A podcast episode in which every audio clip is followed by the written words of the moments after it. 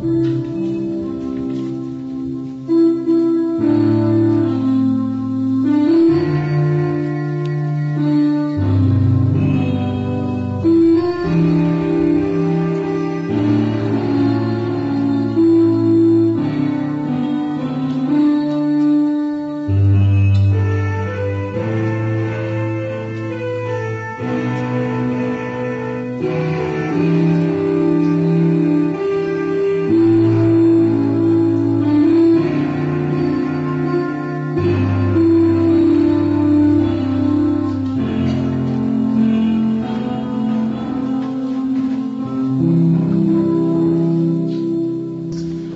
Geliefdes vriende, luisteraars, baie hartlik welkom by hierdie oggend erediens vanuit die VGK gemeente Bontewil. Net so kort oorsig oor die gemeente. Die gemeente is geleë in die hartjie van die Kaapse vlakte. Gemeente is van jaar 46 jaar oud en het tot stand gekom in 1966. Ek is die 4de leraar van die gemeente en hierdie jaar is ek nou al 14 jaar hier in die gemeente. Gemeente was die eerste van 28 gemeentes op die Kaapse vlakte wat met die hulp van die Skiereilandse Raad vir kerklike samewerking uh, ons aanbiddingsruimte hier kon vestig. Die lidmate kom hoofsaaklik van Bontewil en omliggende gebiede soos Kalksteenfontein, Montana en van die ander gebiede rondom Bontewil. Gemeente, in die woorde van een van die leiers in die sendingkerk, het ontstaan uit die stof van die Kaapse vlakte. Vanoggend se tema uh en die skriflesing kom uit Efesiërs 2 vanaf vers 11 en die tema vanoggend is uh een nuwe mensheid deur die verzoening deur Christus Jesus bewerk. Kom ons raak stil en dan nader ons die troon van die Here.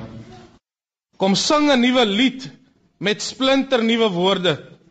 Eer hom sing en maak musiek uit julle harte. Die Here verdien lof want hy doen altyd wat hy sê. Ons sal juig en God se naam groot maak. Ons sal sing tot sy eer. Here wat u doen is te groot om in mense woorde beskryf te word. Geliefdes, genade en vrede vir julle van God ons Vader, Here Jesus Christus ons Here, deur die kragtige werking van sy Heilige Gees.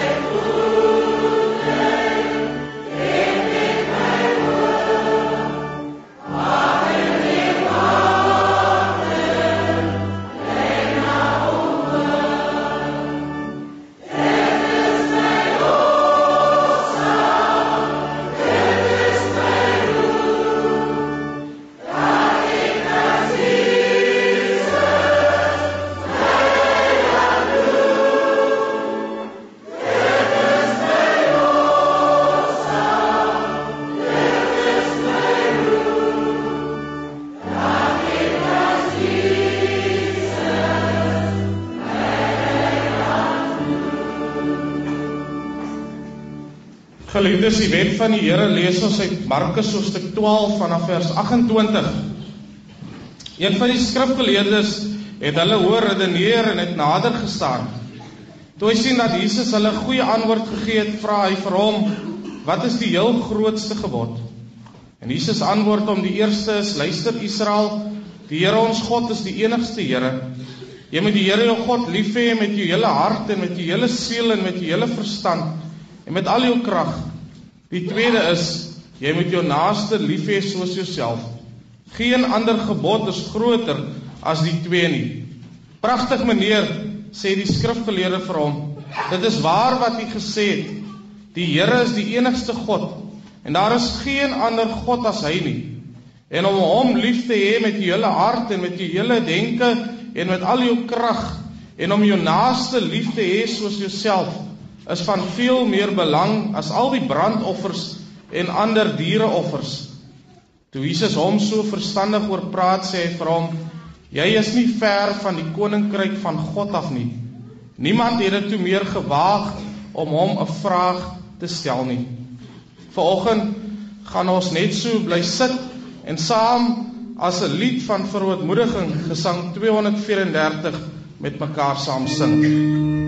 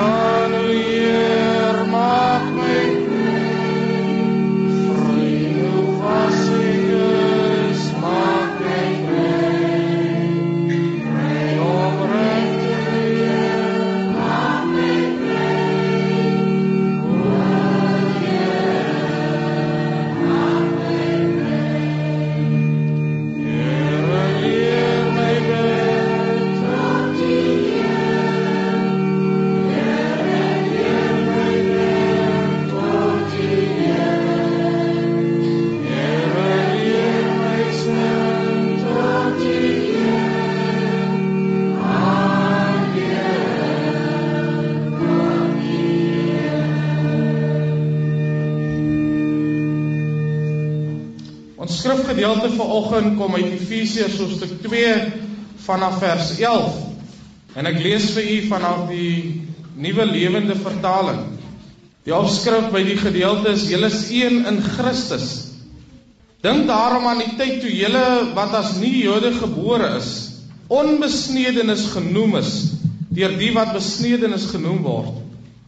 Alles die besnydenis net mense werk aan die liggaam. Dink daaraan dat toe julle sonder Christus was, nie burgers van God se volk nie, uitlanders wat nie deel gehad het aan die beloftes van die verbonde nie. Julle was sonder toekomsverwagting en sonder God in die wêreld. Maar nou het julle wat toe ver was, deur julle verhouding met Christus naby gekom. Dit is moontlik gemaak deur Christus se dood aan die kruis. Christus het inderdaad vrede tussen ons gebring. Deur sy liggaam aan die kruis te gee, het hy die twee groepe een gemaak.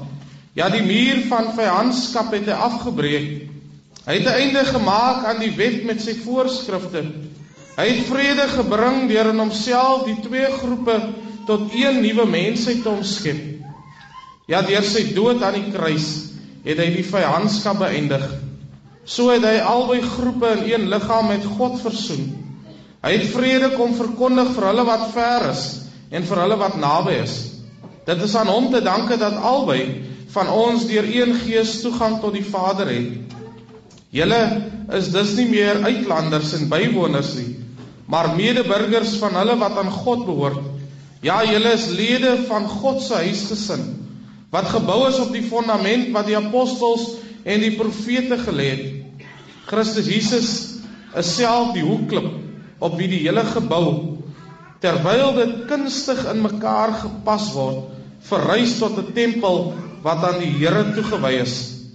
Deur julle verhouding met hom word julle ook saam opgebou tot 'n gebou waarin God deur sy Gees woon. Tot sover die woord van die Here. Onse God en Hemelse Vader, Here lei ons uit 'n lewe van doodsheid na die lewe. Lei ons uit die valsheid na die waarheid. Lei ons uit vertwyfeling na 'n bestaan vol hoop. Van vrees na vertroue van haat na liefde, van stryd na vrede. Here, laat die vrede ons harte vul. En so ook ons wêreld, Here, en uiteindelik die heelal. Ons wil vanoggend bid dat u woord ons lewens sal regeer. Dat ons woord vir ons die weg sal wys. Here, ons vra dat u sal praat sodat elkeen van ons kan luister. Amen. Vanoggend gesels ons oor die tema een nuwe mensheid deur die verzoening deur Christus bewerk. Geliefdes, vriende, luisteraars, in die skrifgedeelte uit die brief van Paulus lê hy besonder nadruk op die verzoeningswerk wat Christus kom bewerk het. Hier word nie net gewys op Christus die verzoener nie, maar ook wat dit vir elkeen van ons beteken. Wat dit in die gemeente maar ook in die wêreld kom beteken het. En Paulus kry dit reg om verskillende teenstellings daarvoor te gebruik. Ek wil vanoggend twee graag aan u voorhou. Paulus sê in die eerste plek, julle wat ver was, het naby gekom. Gemeente in Efese As ons bietjie gaan kyk na hulle geskiedenis, sal jy sien hulle bestaan uit Christene uit die heidendom, maar ook Christene uit die Jodendom. En die afstand tussen die heidene en God was oneindig ver. Paulus gebruik hierdie teenstellinge om die afstand te benadruk. Naamlik sê hy, julle was vervreemd van die burgerskap van Israel en vreemdelinge. Julle was sonder hoop en sonder God in hierdie wêreld sê hy. Daarteenoor vermeld Paulus dat deur die bloed van Christus, deur die kruis, deur dit wat hy vir elkeen van ons kom doen het, het hulle wat ver was, het hulle naby gekom. Die nadruk val op Jesus Christus en sy kruisdood en die gevolglike verzoening wat hierdie dinge moontlik geword het. Julle wat twee was, het hy een kom maak. In hierdie wêreld met soveel verdeeldheid rondom ons, soveel tweedrag, soveel dinge wat ons harte stikkend maak, versoen Christus Jood en heiden. Versoen hy in hierdie dag nog swart en wit. Versoen hy man en vrou. Versoen hy ryk en arm met mekaar. Die vyandskap tussen mense word vernietig tussen die Jood en tussen die heiden het die gebooie en die insettinge en dit wat alles bestaan het, het dit die versoening onmoontlik gemaak. Paulus gebruik die beeld vir ons van 'n skeidsmuur om die afstand, om die onversoenlikheid tussen mense verder vir ons aan te dui. En tog het Christus ook hierdie hindernis sê hy uit die weg geruim. Hy sê baie duidelik Christus het dit kom afbreek. Dit bestaan nie meer, hy sê hy. Dis vernietig. Weereens het die twee een geword deur die kruisdood van Jesus Christus. Deur sy bloed wat vir elkeen van ons kom vloei het. Ons teks vanoggend vermeld dat hy in homself die twee tot een nuwe mens geskep het. Christus is die groot versoener. Maar Christus is ook die vredemaker. wat vir ons uitstaan in die gedeelte is is die feit dat die versoening en die vrede nie goedkoop is nie. Dat dit die dood van Christus gekos. God het sy seun na die wêreld toe gestuur om vir elkeen van ons se sondes te kom sterf. Verwysing na bloed van Christus en versoen deur die kruis wys duidelik vir ons in die rigting. Daarom is ons versoening en ons vrede, daarom is dit nooit goedkoop nie. Maar hy sê 'n tweede ding. Julle wat vreemdelinge en bywoners was. Julle het medeburgers en huisgenote van God geword. Danksy die versoeningswerk van Christus. Ten spyte van al die diep gewortelde vyandskap onder mense is die vrede tussen God en die mens en die mense onderling bewerk. Deur dit wat Christus kom doen het. Jood en heiden word versoen met God en met mekaar en kry toegang deur een gees tot die Vader. Dit alles geliefdes vind plaas binne die gemeente binne die kerk van die Here. Met ander woorde, die gemeente word die plek waar hierdie versoeningswerk wat voltooi is in die wêreld gedemonstreer moet word. Binne hierdie versoenende gemeente is daar nie meer ongelykes, vreemdelinge, medeburgers, maar almal is in Christus medeburgers en huisgenote van God. Die Jood het geen voorkeur bo die heiden en die heiden hoef nie meer minderwaardig te voel teenoor die Jood nie. In Christus Jesus staan in ons teksgedeelte het alles anders geword. Waar dit om gaan in die gemeente is die eenheid en nie meer die tweeheid of die drieheid nie, nee broers en susters. So word die gemeente gebou tot 'n eenheid terwyl Christus Jesus self die hoeksteen is. Paulus beklemtoon dit baie duidelik dat die verzoening nie eers sigbaar in die wêreld sal word nie, maar daar waar God regeer in die kerk, in sy gemeente, in die tempel van die Here, daar word die verzoening eers gesien. Daar word die verzoening eers bereik. Daarom noem ons mekaar broers en susters. Wat leer ons uit hierdie gedeelte van Paulus In ons teks word die kontras tussen die ou en die nuwe lewe duidelik en direk gekoppel aan die aktiewe betrokkenheid van die Vader en die Seun en die Heilige Gees in die lewe van die gemeente in Efese. Sonder God sou hulle steeds in hulle vorige lewe vasgevang wees. Dieselfde geld vandag vir ons. Sonder God sou ons steeds nie aan hom kon behoort nie. Tussen ons en 'n lewe sonder Christus en sonder hoop staan die aktiewe betrokkenheid van die drie-enige God in elkeen van ons se lewe. Dit is wat God wat geslag na geslag aan hom vasbind. Sonder hom is dit nie moontlik nie. Dit is God wat ouers as sendelinge na hulle kinders toestuur. Dis God wat gemeentes na hulle jong mense stuur en geloof in hulle wil help bou. Dis die drie enige God wie se aktiewe betrokkenheid in ons lewens klink soos 'n refrein in ons teks. In ons teks is daar 'n paar voorbeelde. Daar staan ons kom deur die bloed van Christus tot by God. Net deur sy bloed word ons versoen met God. Christus staan daar, het sy lewe vir ons gegee. Dan staan in die derde plek Christus het ons deel van die volk van God gemaak. Ons is deel van Israel, ons is deel van die uitverkore volk van God.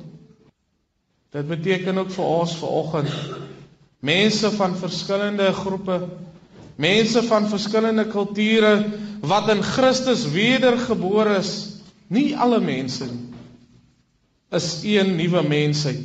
En daardie nuwe mensheid en daardie eenheid moet sigbaar wees na buite. Die Here Jesus Christus bid vir sy disippels in Johannes 17 dan sê hy sodat julle een sal wees sodat die wêreld kan glo.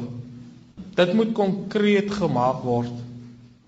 sien in die geestesoog miljoene mense op aarde wat in Christus Jesus wedergebore is van alle nasies, van alle tale, van alle kulture.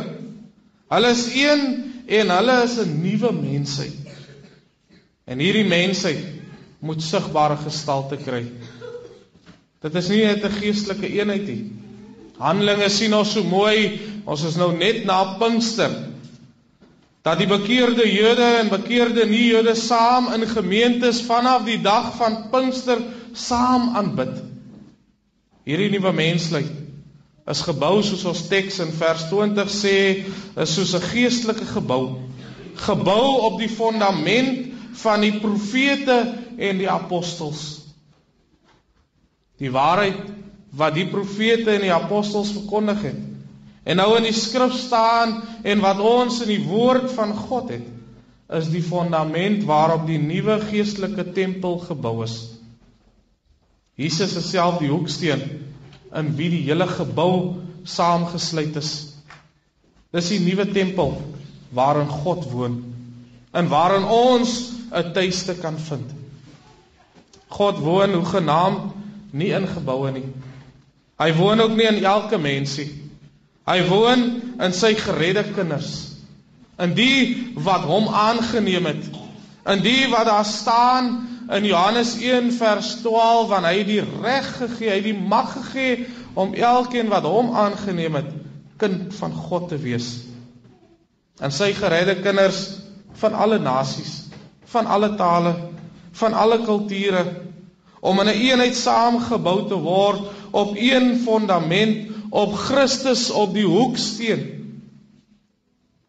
Vers 18 sê so wonderlik dat alle kinders van die Here nou deur die Heilige Gees vrye toegang tot die Vader het.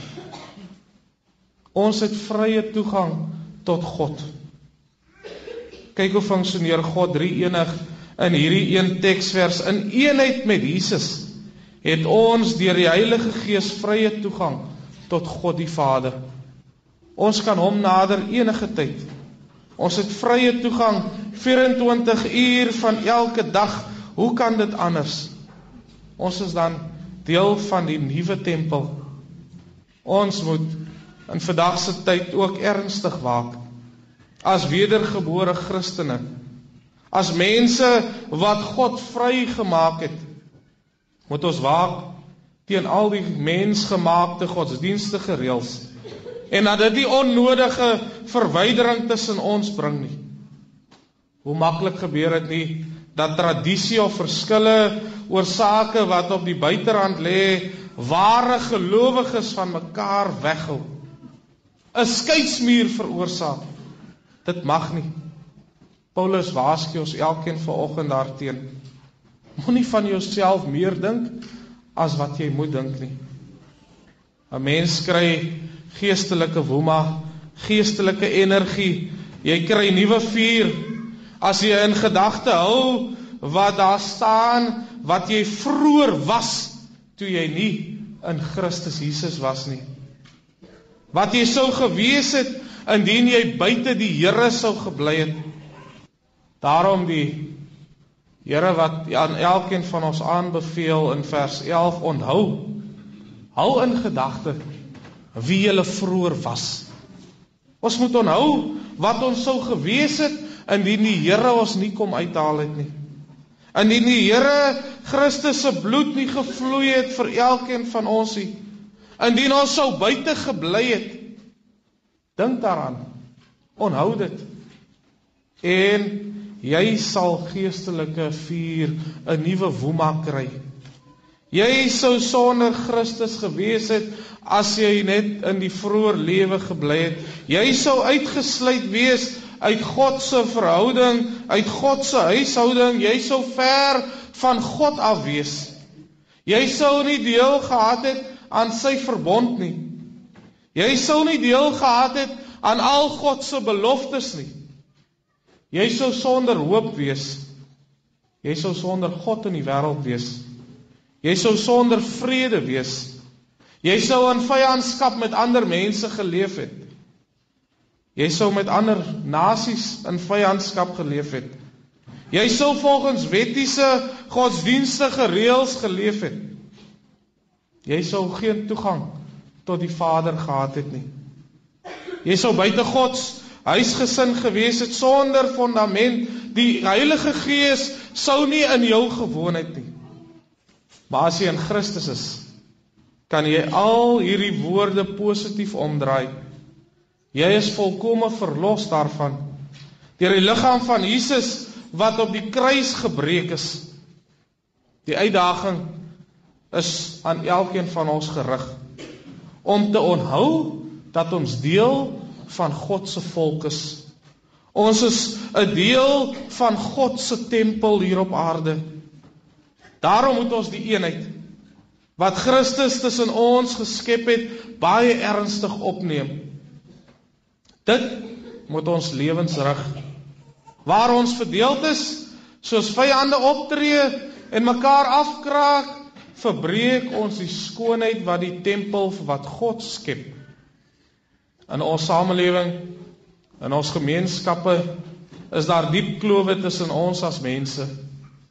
Geld vir ons hele land, maar ook die hele wêreld.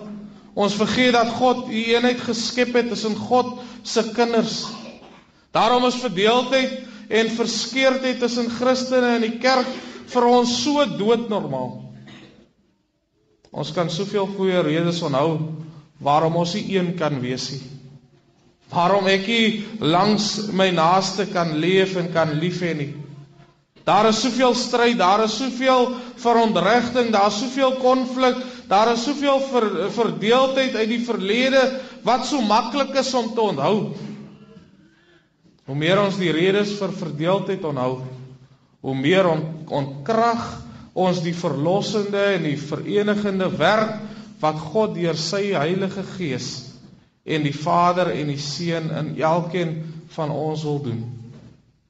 Ons word vanoggend geroep om te onthou. Ons word uitgedaag om vanuit ons eenheid te gaan lewe. Ook hier is die prys wat betaal word nie goedkoop nie.